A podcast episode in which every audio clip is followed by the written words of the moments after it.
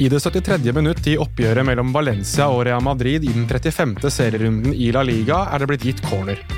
Mens lagene venter på at spillet skal settes i gang igjen, så skjer det noe på tribunen. Én spiller reagerer. Venicius Junior. Han har hørt noe han aldri skal måtte høre verken på en fotballbane eller i livet generelt. Situasjonen kan fort bli et før- og etterøyeblikk i spansk fotball. Hvorfor? Det skal vi forklare nå.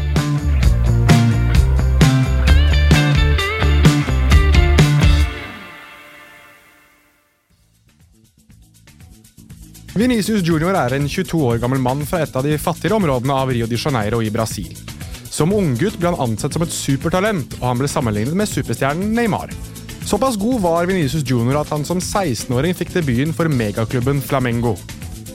Gjetord om talentet hadde gått verden rundt, og kort tid etter hadde Real Madrid signert ham for det som er rapportert å være 46 millioner euro.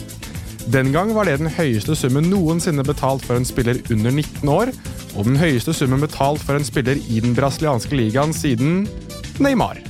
I tillegg Real Madrid hadde såpass ståltro på Venicius sine talenter at de var villige til å legge ut 46 millioner euro for en 16-åring, vel viten om at han ikke kunne spille for klubben før han ble 18. Fifas reglement stopper nemlig internasjonale overganger for spillere under 18 år.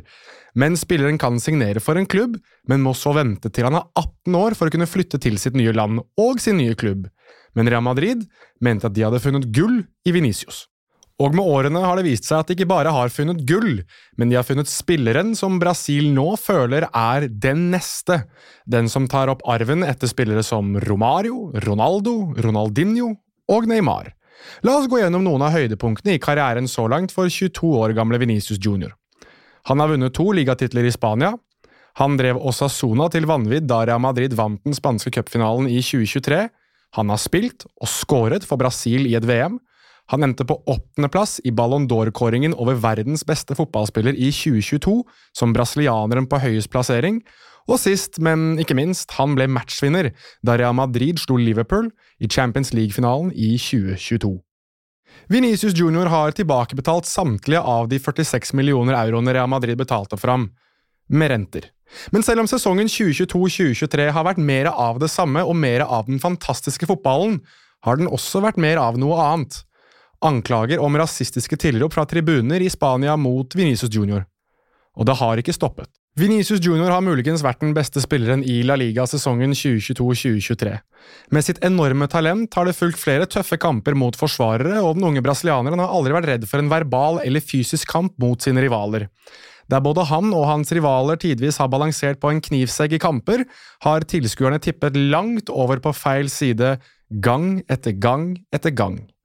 I en offisiell uttalelse fra La Liga som Fotball forklart og podkasten La Liga Loca har blitt tilsendt, viser La Liga til 13 tilfeller der de har rapportert inn rasistiske tilrop fra tribunene til domstoler i Spania siden januar 2020. Ni av disse tilfellene har involvert Venicius Junior. Tilfelle nummer 14 totalt, og det tiende som involverer Venicius Junior, skal vi tilbake til litt senere. Men av tilfellene som har involvert den unge brasilianeren, har åtte av dem funnet sted i tidsrommet 2022 til 2023. I rapportene går begrepene rasistisk hets og rasistisk trakassering igjen ved flere anledninger. Brukere av sosiale medier vil ha sett utallige videoer av supportere på stadioner som Camp Nou i Barcelona, José Soria i Valladolid eller Mestalla i Valencia utøve apelyder eller simpelthen skreket mono unisont. Mono er spansk for ape. Dette har gått så langt som at i januar 2023 ble filmet og dokumentert et tilfelle der en gruppe Atletico Madrid-supportere hadde ikledd en dokke i Venicius Junior-drakt og hengt dokka fra en bro i Madrid bare timer før Real Madrid skulle møte Atletico Madrid. Senere på dagen ble de samme aperopene skreket av supportere utenfor Atletico Madrids hjemmebane. Og hvorfor? Fordi Venicius Junior hadde gjort det til en vane å feire skåringer ved å danse, dra av motstandere med lekre finter og nekte å trekke seg de gangene han ble utfordret i fysiske kamper. Og dette leder oss til kvelden 21. mai 2023 på Mestalla. På stillingen 1-0 til Valencia med et drøyt kvarter igjen og corner i favør Real Madrid. For bak målet til Valencia hører og ser Venicius Junior noe han har måttet høre og se i godt og vel en hel sesong nå. Du! Du! Du! hyler brasilianeren mens han trenger seg opp mot reklameskiltene, så nærme han kan Valencia-supporterne bak det ene målet, mens han peker inn i folkemengden. I hopetall fyller det seg opp med spillere, noen som prøver å roe ned situasjonen, og noen som står hardnakket bak brasilianeren. Han kalte meg for ape og gjør slik, sier Venicius jr. og viser til dommeren hvordan en av supporterne skal ha forsøkt å provosere ham ved å mime en ape. Hele seansen ble fanget opp av programmet El Dia Despues på den spanske TV-kanalen Movistar, og senere vist i sin helhet. Dommer Ricardo de Burgos Benguechea følger sin dommerprotokoll til punkt og prikke, og den er som følger. Nummer én. Dersom det gjøres klart at det er rasistiske uttalelser fra tribunen, stopp spillet og be hjemmelaget annonsere over stadionanlegget at supporterne må slutte. Nummer to. Dersom det ikke stopper, ta spillerne av banen i påvente av at det roer seg. Nummer tre. Dersom det ikke stopper nå heller, så kan du stoppe kampen. Dommer de Burgos Bengoechea er i ferd med å utøve steg to da det bestemmes at kampen skal fortsette. Og det gjør den i hele 20 minutter til, før det oppstår en ny situasjon, denne gangen ute på banen. Og Venicius Junior, som allerede er fly forbanna og har hatt en vane med å ikke trekke seg fra krangler, ender i enda en feide, og denne gangen er det med Valencia-spillerne. Det har ikke blitt rapportert noe om rasistisk hets i akkurat denne krangelen. Likevel, feiden ender i at flere spillere fra begge klubber barker sammen. Og TV-bildene viser at Venicius Junior fiker til Valencia-spiller Ogo Doro, etter at Doro har holdt ham i kvelertak i flere sekunder.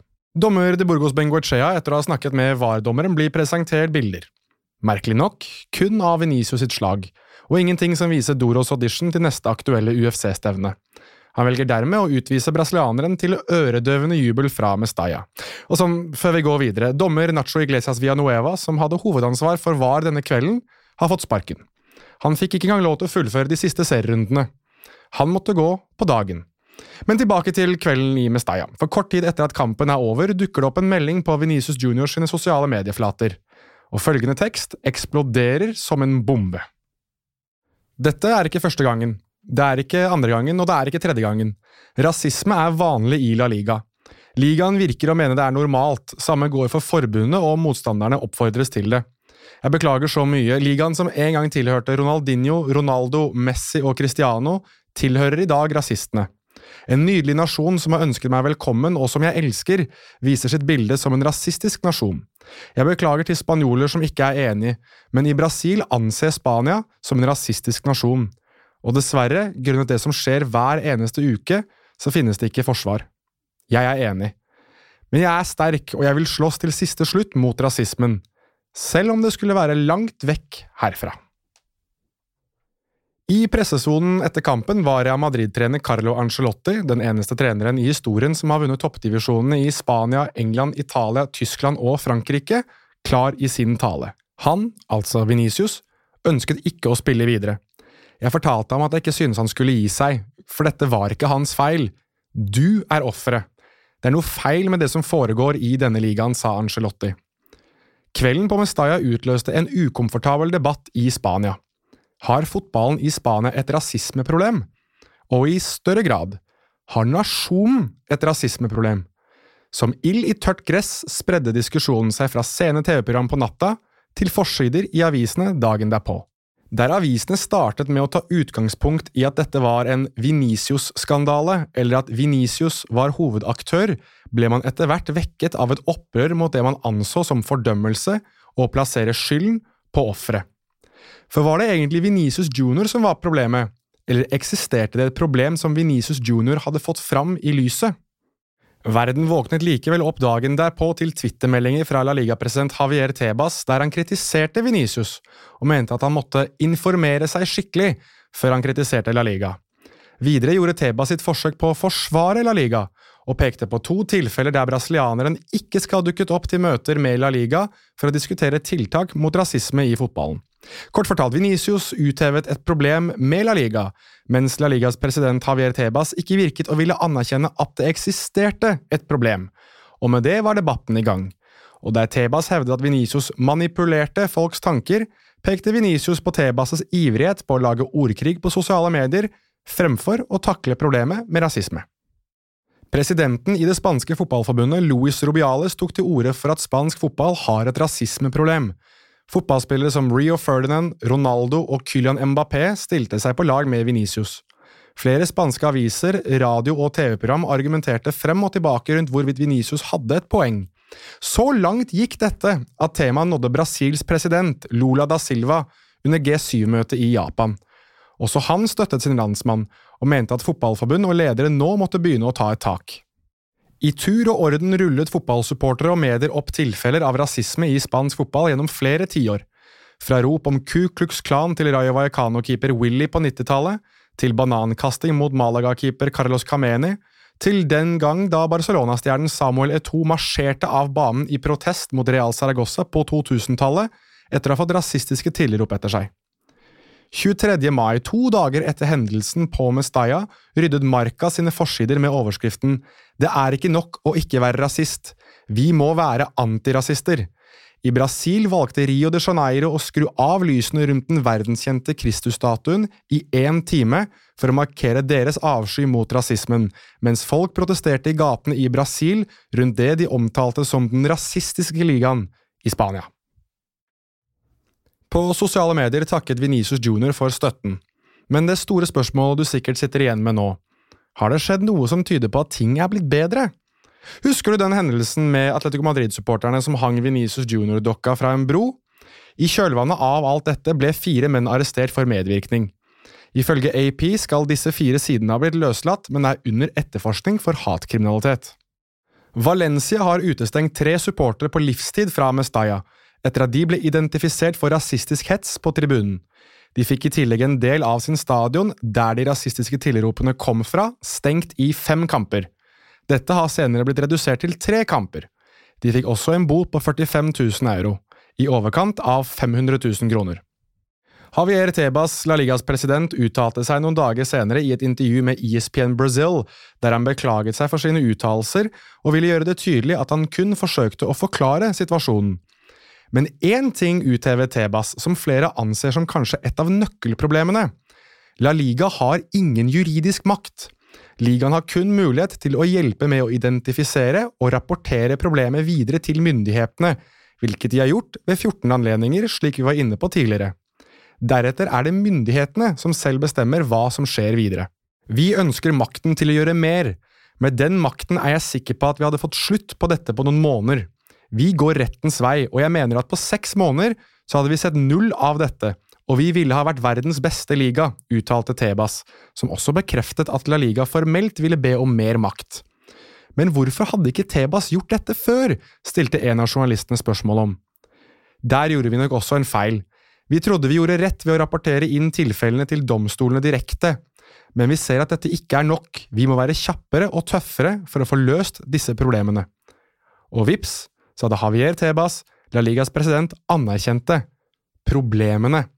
Problemene spillere som Willy, Roberto Carlos, Carlos Cameni, Samuel Eto'o, Pierre Webo, Nosa Egebor, Carlos Acapo, Inyaki Williams, Nico Williams, Mukhtar Yakabi og en rekke andre spillere i flere tiår hadde ropt høyt om. Situasjoner der man har trådd forsiktig, eventuelt ikke ville trådd i det hele tatt, hendelser der man ikke har sett eller ikke ønsket å se diskrimineringen, der man ikke har hørt eller ikke vil høre det man nå endelig ser ut til å ha innsett er et rasismeproblem. Og Hvorvidt dette er et før- og etterøyeblikk i spansk fotball, gjenstår fremdeles å se, men det som er klart, er at det er en 22 år gammel brasilianer som har spilt og vunnet både Champions League-finale og El Clásicos, som nettopp har sparket i gang den største og viktigste kampen i sitt og veldig mange andres liv. Dette var det for Fotball forklart for denne gang. I tillegg til kildene du har hørt i podkasten, er øvrige kilder realmadrid.com, Sky Sports, The Guardian, Fifa.com, France Football, Marca, Optus Sport, AS, AP, ESPN Brazil, laliga.com og Movistar Pluss. Takk for at du lyttet.